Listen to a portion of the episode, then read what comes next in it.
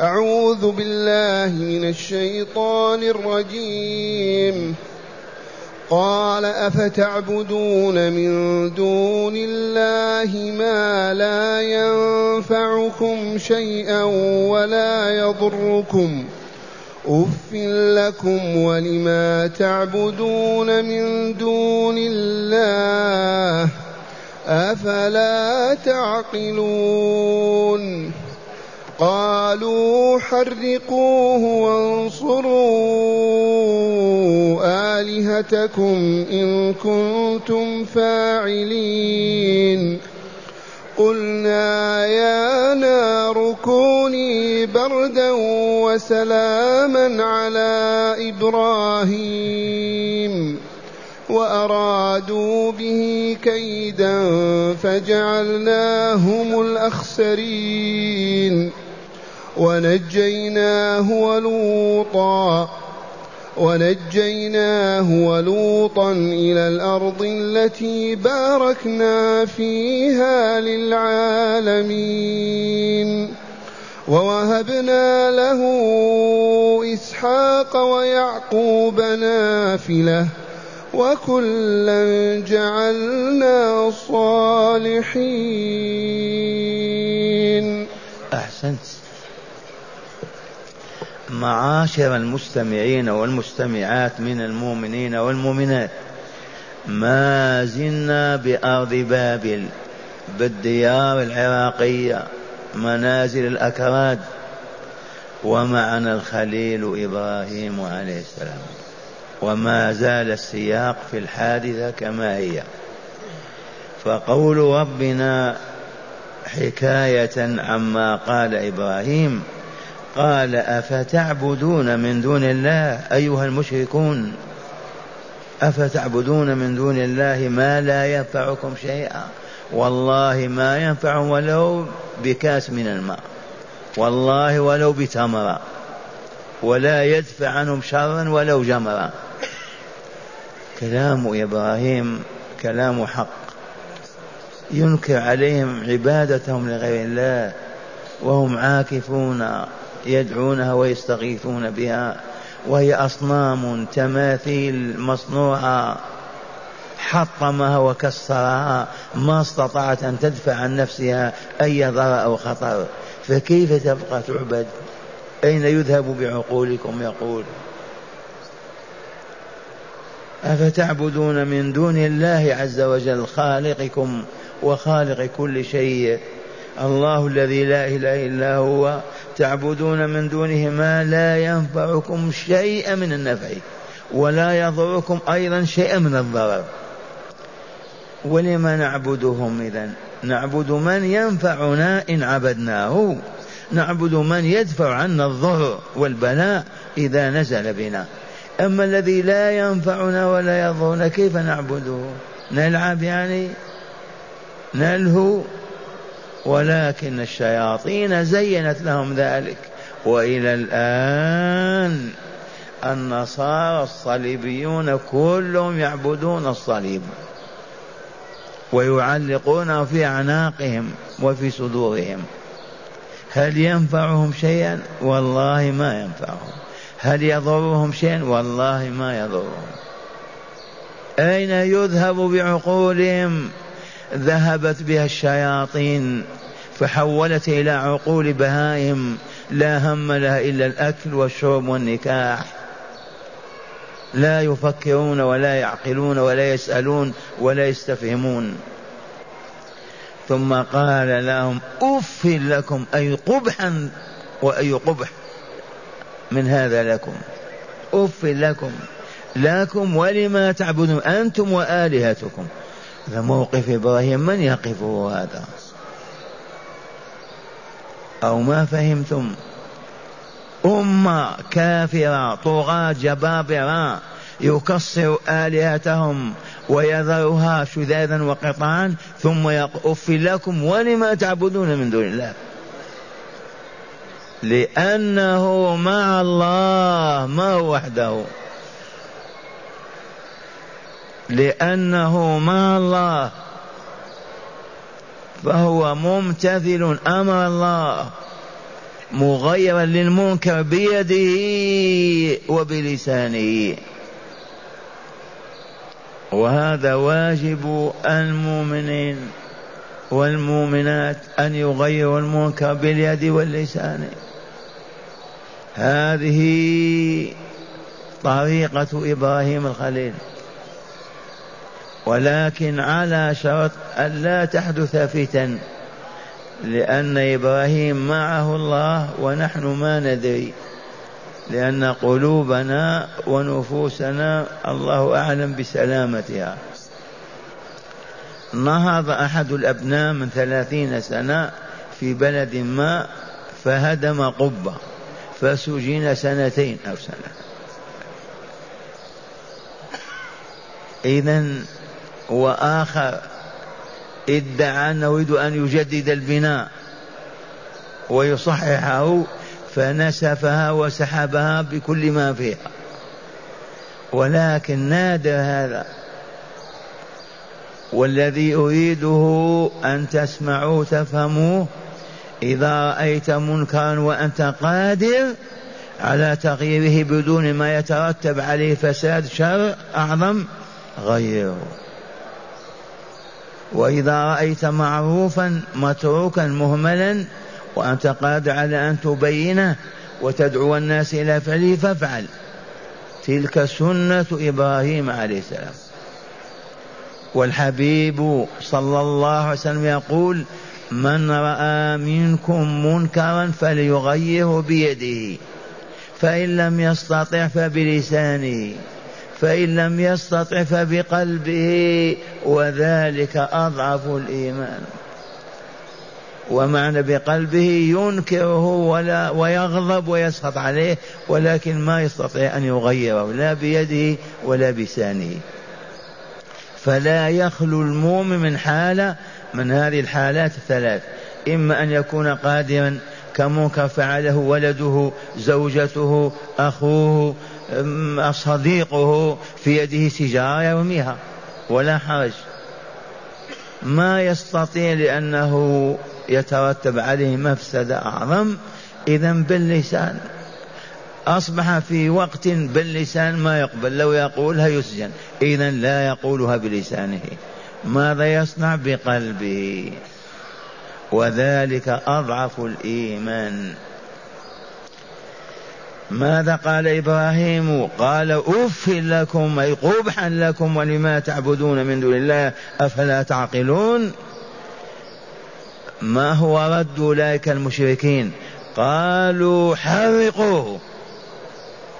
هذا الحكم الذي أصدره. حرقوه. ما قالوا احرقوه حرقوه.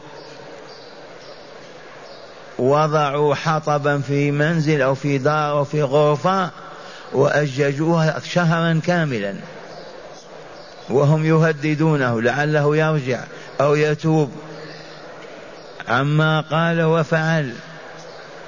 ويخبرنا أبو القاسم صلى الله عليه وسلم بأن سائر الدواب في ذلك البلد كلها تساعد على إشعال النار وإيقادها.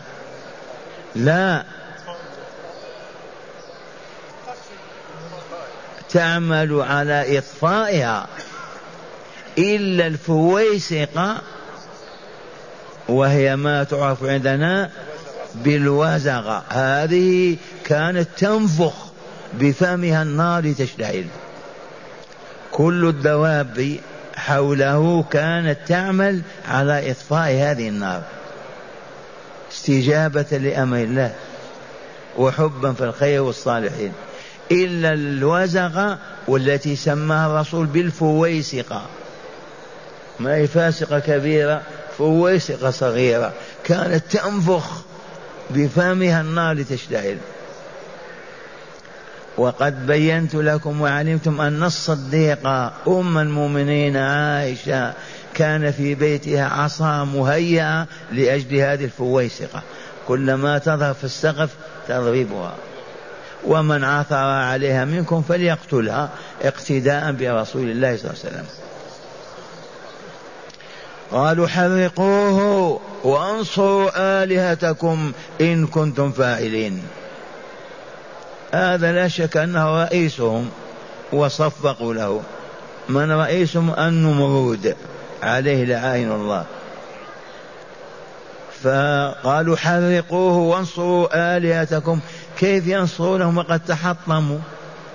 يعني ينصرونه حتى ما يسبون أو يشتمون مرة أخرى أو يكسرون. إن كنتم فاعلين كأنهم كانوا في اضطراب وهيجان هذا يقول كذا تعرف الاجتماعات والأمم. فقال لهم قائل إن كنتم فاعلين افعلوا هكذا. دعونا من الصراخ والبكاء. أو لماذا هذا ولماذا هذا؟ وبالفعل وضعوه عليه السلام في منجنيق. ورموا به من مسافة بعيدة لأن لهب النار ما يقوون أن يقدروا عليه أو يصلوا إليه. وضعوا في منجنيق ورموه.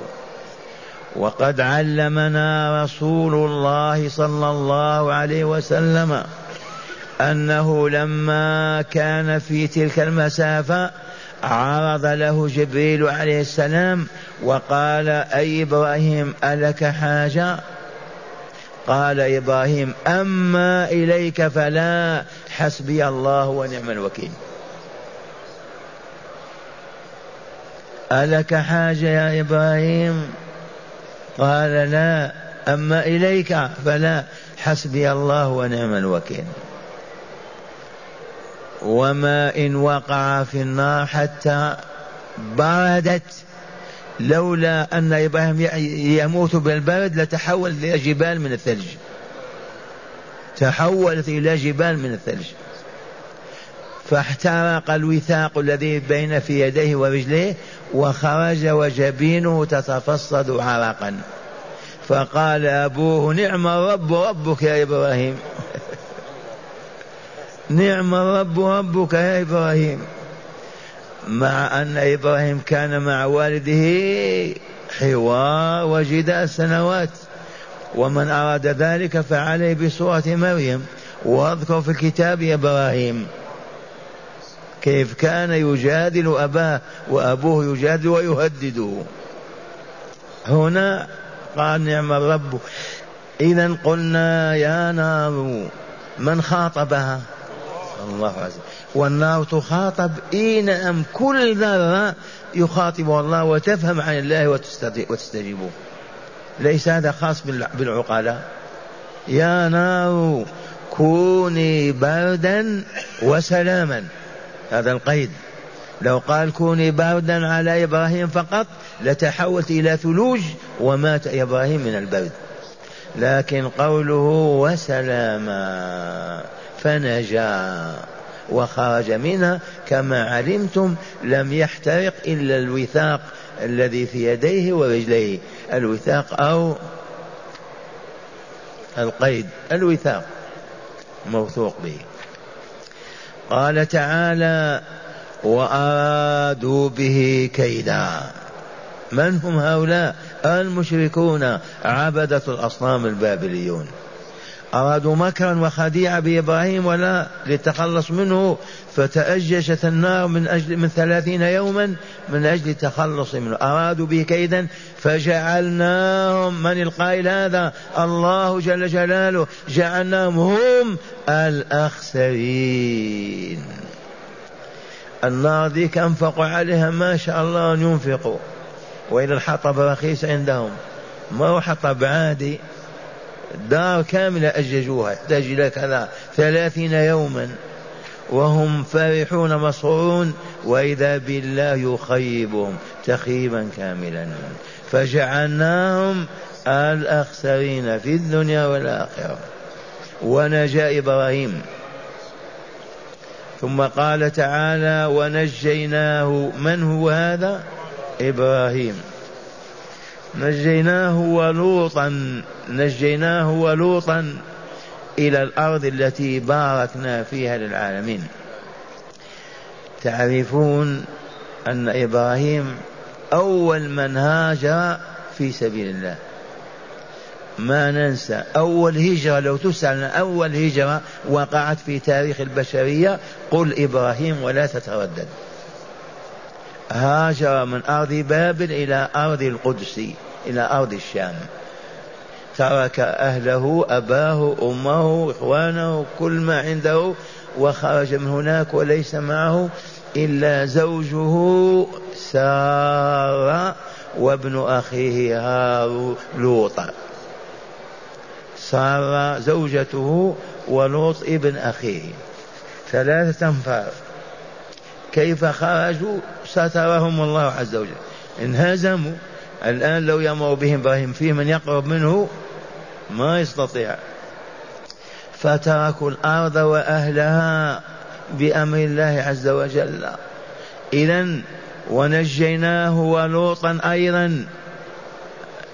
ولعل لوطا أيضا تعرض لما تعرض له إبراهيم. بالسب أو الشتم أو كذا لأنه أسلم لأنه مهيأ لأن يكون نبيا. وإبراهيم ها في هذه السن حوالي 26 سنة فقط ولوطا أقل. ولهذا قال تعالى ونجيناه ولوطا إلى أين؟ إلى الأرض التي باركنا فيها للعالمين. أرض القدس والشام. التفاح العنب البرتقال الشعير البر من ذاك العهد إلى اليوم للعالمين أبيضهم وأسودهم كافرهم ومؤمنهم. باركنا فيها للعالمين للإنس يأكلون والجن يدخلون أيضا. ثم قال تعالى في بيان هباته وعطاياه لإبراهيم الصبور الشكور قال ووهبنا له إسحاق ويعقوب نافله لطيفه فتح الله به علي ما وجدتها في كتاب وهي هل كان إبراهيم يدعو الله أن يرزقه ولدا؟ إي نعم. كيف يدعو الله يرزقه ولد وقد رزقه الله إسماعيل؟ لأن إسماعيل كما علمتم لما هاجر إبراهيم من أرض بابل ودخل الشام ودخل مصر معه زوجته سارة. أليس كذلك؟ ما تنجب ولا تلد ما ولدت.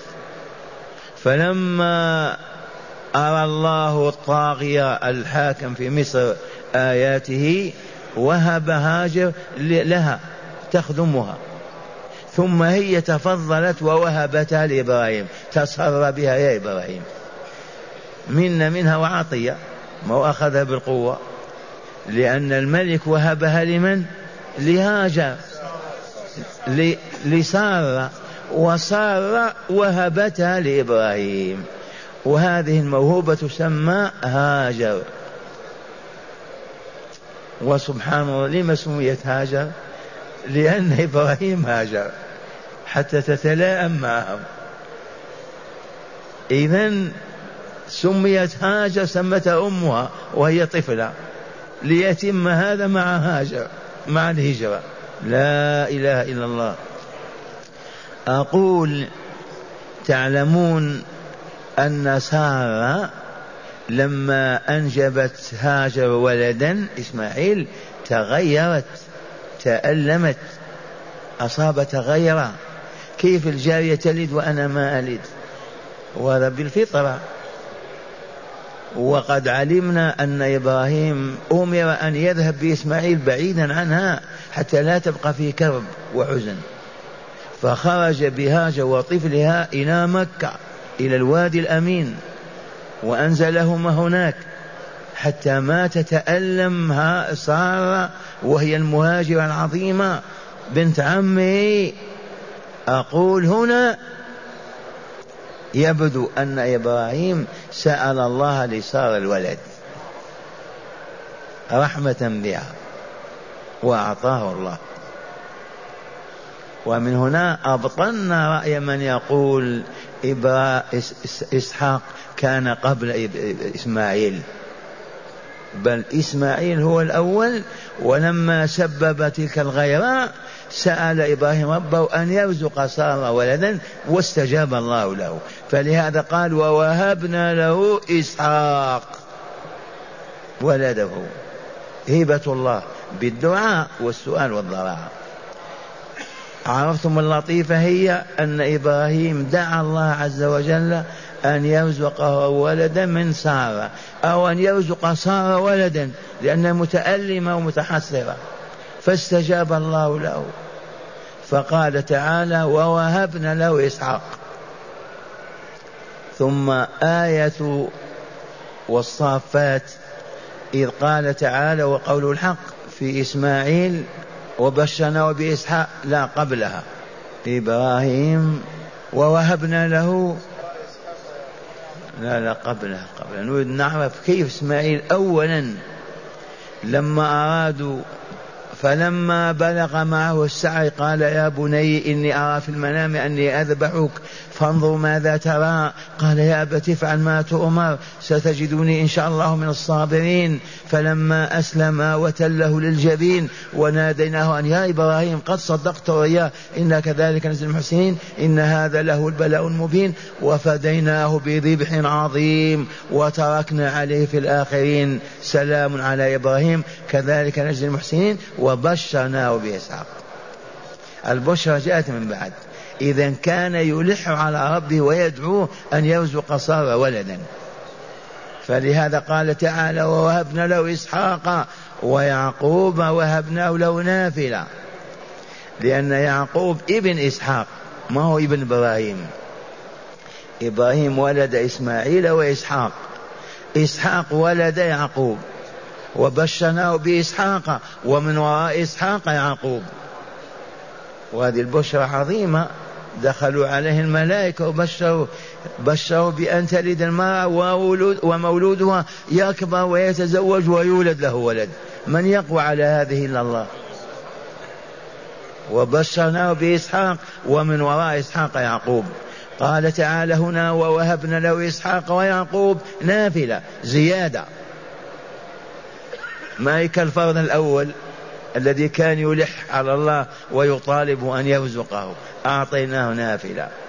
ما سأله ولا طلبها وكلا جعلنا صالحين. وكلا من إبراهيم وإسحاق ويعقوب جعلنا صالحين. ونحن هل نحن صالحون وإلا لا؟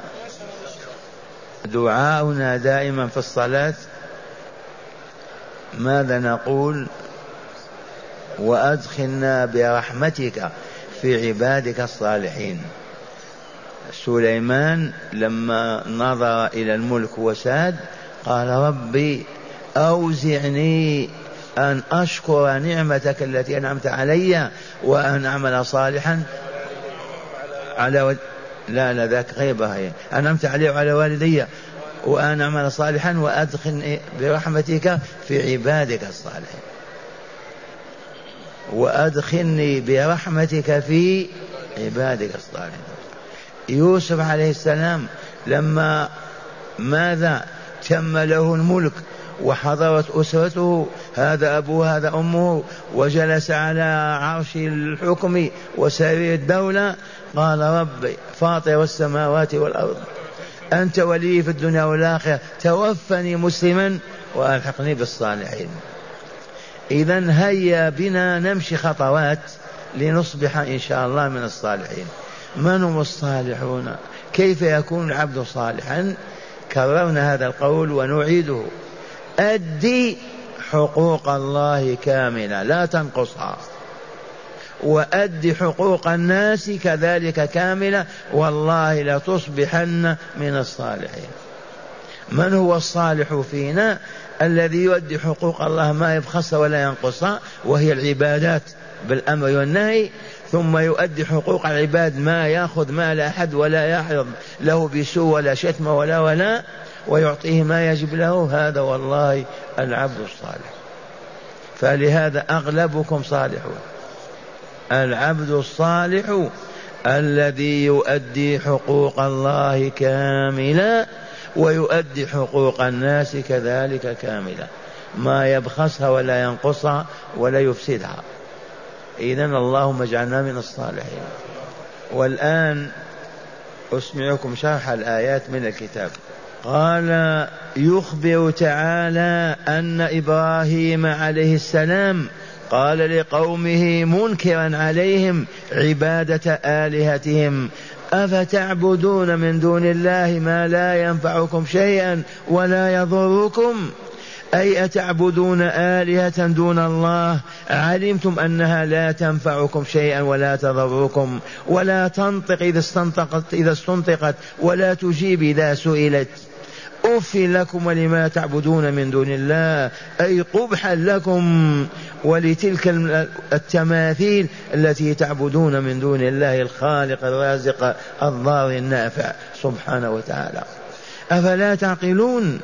قبح عبادة أفلا تعقلون قبح عبادتها وباطل تأليهها؟ وهي جماد لا تسمع ولا تنطق ولا تنفع ولا تضر.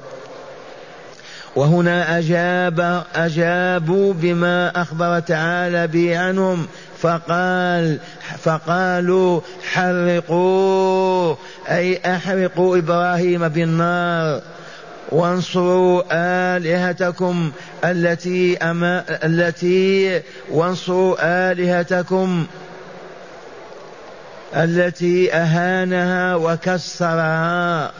إن كنتم فاعلين أي مريدين نصرتها حقا وصدقا. ونفذوا ونفذوا ما أجمعوا عليه وجمعوا الحطب وأججوا النار في بيان في بنيان خاص وألقوه فيه بواسطة منجنيق لقوة لهبها وشدة حرها.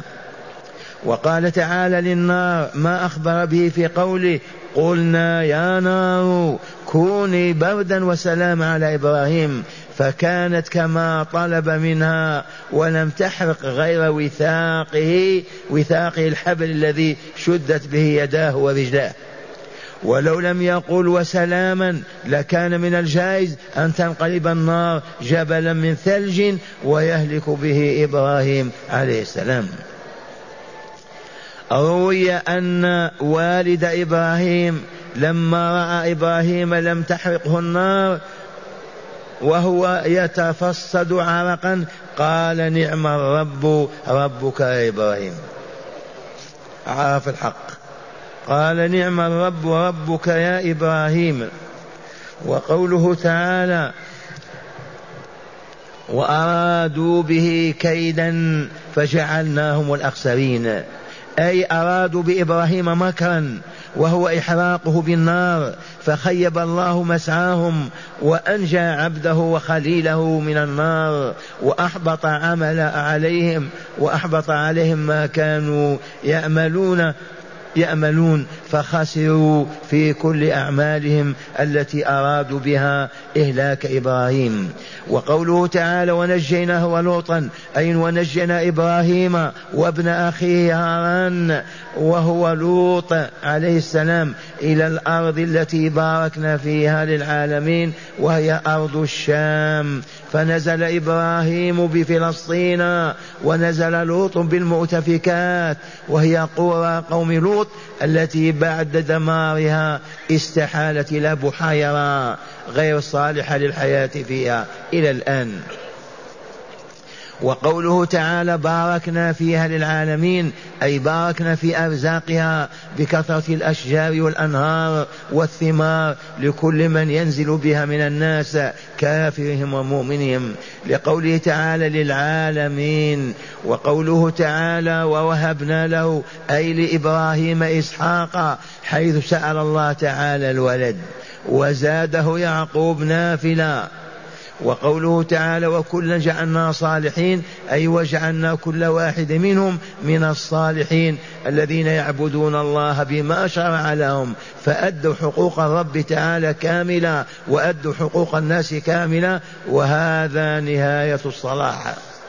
مع هداية الآيات. بسم الله والحمد لله.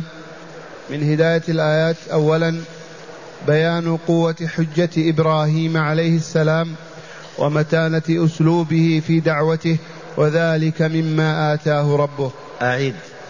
قال بيان قوة حجة بيان قوة حجة إبراهيم.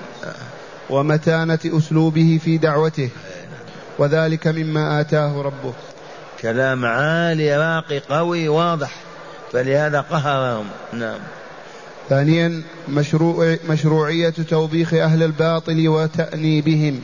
مشروعية توبيخ أهل الباطل. توبيخ أهل الباطل وتأنيبهم. منين أخذنا هذا؟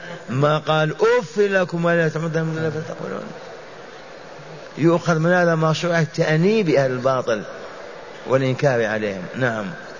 ثالثا آية إبطال مفعول النار. فلم تحرق إبراهيم إلا وثاقه لما أراد الله تعالى ذلك. هذه آية من آيات الله الدالة على وجود الله وعلى علمه وقدرته وحكمته وأنه الإله الحق. لا إله غيره ولا رب سواه. كيف؟ النار المؤججة شهرا كاملا يدخل فيها شخص ما تحرقه. أية آية أعظم من هذه؟ أكبر علامة تدل على وجود الله وعلمه وقدرته وحكمته. نعم. رابعا قوة التوكل على الله كانت سبب تلك المعجزة إذ قال إبراهيم حسبي الله ونعم الوكيل. قوة التوكل على الله. إذا وجد التوكل في عبد وكان صادقا لا يخاف أبدا لا من النار ولا من غيرها وينجيه الله تعالى منها. قوة التوكل. والاعتصام بحبل الله وغير مبالاة بالدنيا بكاملها. فإبراهيم قال حسبي الله وما قبل من جبريل أن يقول له أفعل كذا أو كذا. وقد قدمنا أن الرسول وأصحابه ائتسوا بإبراهيم وقالوا حسبنا الوكيل. لما قيل إن أبا سفيان كر راجعا إليكم إلى المدينة. لما انتصروا في أحد ومشى مسافة جاء الخبر أنه قال نرجع نصف الحساب نهائيا. فخرج رسول الله وأصحابه والله إن مشروح ينقلونه وهو جريح. وقالوا حسبنا الله ونعم الوكيل ما إن وصلوا المكان ذاك حتى وجدوا أبا سفيان هرب هو وجيشه. قال قوة التوكل على الله كانت سبب تلك المعجزة إذ قال إبراهيم حسبي الله ونعم الوكيل فقال الله تعالى للنار كوني بردا وسلاما على إبراهيم فكانت وكفاه ما أهمه بصدق توكله عليه. ويؤثر أن جبريل عرض له قبل أن يقع في النار فقال هل لك يا إبراهيم من حاجة؟ فقال إبراهيم أما إليك فلا حسبي الله ونعم الوكيل. خامسا تقرير التوحيد والتنديد بالشرك والمشركين. تقرير التوحيد والتنديد بالشرك والمشركين ولو كانوا من أفضل الناس وأشرفهم. فلهذا الشرك يجب أن نندد به والمشركين كذلك. وأسوتنا إبراهيم وأسوتنا الحبيب صلى الله عليه وسلم لما دخل مكة بسيفه برمحه حطم كذا وستين سنة ستين صنم. أو 360 سنة حول الكعبة هذا والله تعالى سادسا وأخيرا نعم. خروج إبراهيم من أرض العراق إلى أرض الشام كانت أول هجرة في سبيل الله نعم. في التاريخ كما علمتم أول هجرة في التاريخ البشري هجرة إبراهيم من أرض بابل إلى أرض فلسطين الشام